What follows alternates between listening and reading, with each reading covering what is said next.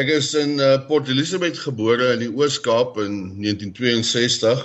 Dirk Johannes Malan is 57 en tipies van baie Suid-Afrikaanse mans hou hy van braai, kuier en rugby. Maar dis sy twee volwasse kinders wat die liefdes van sy lewe is. Malan is lank en nogal goed gebou vir 'n man van sy ouderdom, ten spyte van sy welles vir vleis en bier. Hy is steeds betrokke by die reg en geregtigheid, maar deesdae, merkwaardig genoeg, as 'n prokureur vir 'n privaat hospitaalgroep. Malan se alledaagse uniform is 'n deftige pak, pleks van die oranje oorpak wat hy vir etlike jare in die Grootvlei gevangenis gedra het. Hy is 'n gemaklike, gasvrye man, 'n modieuse bril, silwer swart baard en kort hare rond die Dirk Malan pakket af. Daar's geen teken van sy verlede as 'n gewapende rower, moordbeskuldigde en gevangene nie. Selfs nie 'n versteekte tatoe of 'n vloekwoord nie of 'n harde rand aan sy karakter wat so nou en dan sy kop reis. Inteendeel, die man is 'n sonstraal van sensitiwiteit. Alles wat ek in die lewe weet van omgee en liefde, kom maar van my ma af. My pa was dan nie regtig 'n baie drukkie en ek is lief vir jou tipe ou gewees nie. Dit was maar altyd my ma gewees. Malan sê sy pa was 'n ambagsman wat bykans enigiets met sy hande kon maak. Maar Okkie Malan se vaardighede het nie besigheid ingesluit nie en verskeie van sy maatskappye het bankrot gespeel. Die Malan gesin het in die 1960s en 70s van plek na plek verhuis waar ook al daar werk vir Okkie was, meestal as motorwerktuigkundige of swyser. Bestemmings het Dispatch naby die Baai, Hartbeesfontein naby Klerksdorp en uiteindelik Bloemfontein ingesluit. Daar het Malan se ma, Katarina, wat alom bekend was as Tannie Trini as 'n verpleegster gewerk. Maar die Melans het swaar gekry omdat Okkie baie skuld gehad het weens sy mislukte sakeondernemings. Ek kan onthou van 'n paar aande wat ons bed toe is sonder dat ons 'n behoorlike maaltyd gehad het en ek kon altyd in my ma se oë sien die hartseer. Melan beskryf sy skoolloopbaan as bevredigend, maar onmerkwaardig. Twee gebeurtenisse is veral vars in sy geheue. In standaard 9 matriek is ek die keuse gelaat van of ek speel rugby en ek kry rugby klere of ek het twee kortbroeke en twee kortmou hemde om jou skool toe te gaan. Ek het rugby baie geniet. Malan lag en sê hy het natuurlik die nuwe rugby uitrusting gekies. Dan in sy matriekjare in 1980 het 'n oom laat weet daar's jong mans nodig as ekstras vir die konsert in Bloem van 'n legende in Afrikaanse musiek. Toe speel ek saam met Guy Kosten in Land of Smiles. This land is mine. God gave this land to me. Ek dink vir daai 2 weke het ek meer verdien as wat my pa in 'n maand verdien. Dit was maar vir hom 'n bitter pil om te sluk. En dan was dit natuurlik om lewendig 3 dae na sy matriekeksamen het Milan gedoen wat baie boerseuns tydens die bewind van die nasionale party gedoen het om 'n loopbaan te verseker. Hy het by die SA polisie aangesluit. Sy eerste pos as polisieman was by die Bloemfontein se Landdroshof, 'n plek wat hy later goed sou leer ken, vertel hy toe hy aan die ander kant van die heining gestaan het.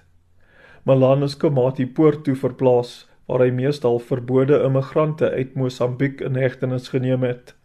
Daarna is hy en sy eksvrou Hoedspruit toe waar hy algemene ondersoekwerk gedoen het. Malan beskryf sy tyd in die polisie as lekker. Hy sê niks traumaties het met hom gebeur nie, selfs toe hy die grens gepatrolleer het op die uitkyk vir ANC terroriste soos hulle tydens apartheid bekend gestaan het. Ons het geweet hoekom is ons daar, maar die rede hoekom ons daar was het eintlik nooit gebeur nie. Ek was nou nooit in geen groot kontakte wat ek kan kom spog na die tyd en sê van hoeveel skote het ek geskiet. Nee. Nee, die die, die na amper 'n dekade as polisieman het Malan bedank om eers as skuldinvorderaar in Pretoria te werk en toe as versekeringsagent terug in Bloemfontein. Teen hierdie tyd in die vroeë 1990s was hy pa van 'n jong seun en dogter. Malan sê dus toe dat hy deurmekaar geraak het met die verkeerde tipe mense wat hom gelei het na baie verkeerde besluite. Die trauma van sommige van daai besluite laat my nog baie nagte wakker. Dit skok my wakker. Ek het ontsettend begin drink. Ek het by verkeerde plekke uitgehang. Ek het ehm um, ek het my gesin by die huis partykeer gelos en vir dae lank net weggeraak sonder om te weet hoe dit met hulle gaan. Is hulle oukei? Okay? Malan en sy vrou het geskei, geïsoleerd van sy kinders, het 'n afwaartse spiraal na chaos gevolg. Malan sê hy het verskeie misdade gepleeg en 'n rits opgeskorte vonnisse gekry. Toe, op 'n warm somersaand in 1997, het hy in 'n vriend, 'n medelid van die Blommestad se onderwêreld, by 'n kroeg ontmoet. Daar was iemand wat vir ons gesê het, luister, daar's 'n ou wat gereeld met 'n tas geld en diamante op 'n sekere tyd op 'n sekere plek is Ek was die orkestreerder van die hele kriminele daad. My medebeskuldigde het hom gaan inwag terwyl ek op 'n ander plek was en hy het die tas by hom gegryp en die ou het hom met 'n sak ys geslaan en daar het 'n skoot afgegaan toe hy val wat die persoon getref het.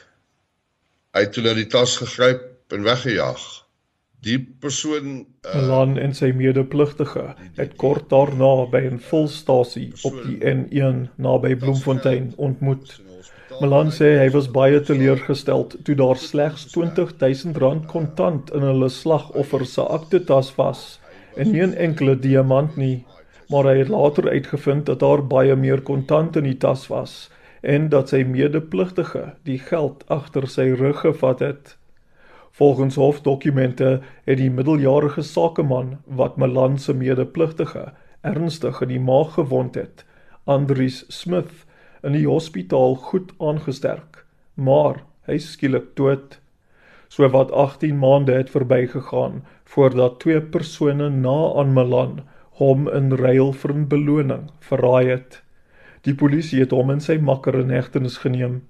Hulle is later skuldig bevind aan gewapende roof maar onskuldig op 'n aanklag van moord nadat 'n dokter getuig het die oorsaak van Smith se dood kon nie vasgestel word nie. Malan sê hy sal nooit die dag dat hy gefonnis is vergeet nie.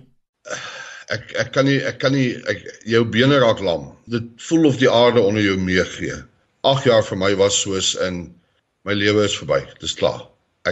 Dis nou na 2 jaar van mislukte appelle moes hy op 'n maandagooggend in April 2001 by Grootvlei gevangenis aanmeld. Ek het die oggend badkamer toe gegaan en deur die venster gekyk. Weet jy die voeltjies het daar te kere gegaan en ek gewonder wanneer gaan ek dit weer sien? Ek het nie geweet Milan sê hy het deur sy huis gestap en na alles gekyk. Alles gevoel asof hy 'n baba was wat die eenvoudige goed vir die eerste keer in sy lewe gesien het.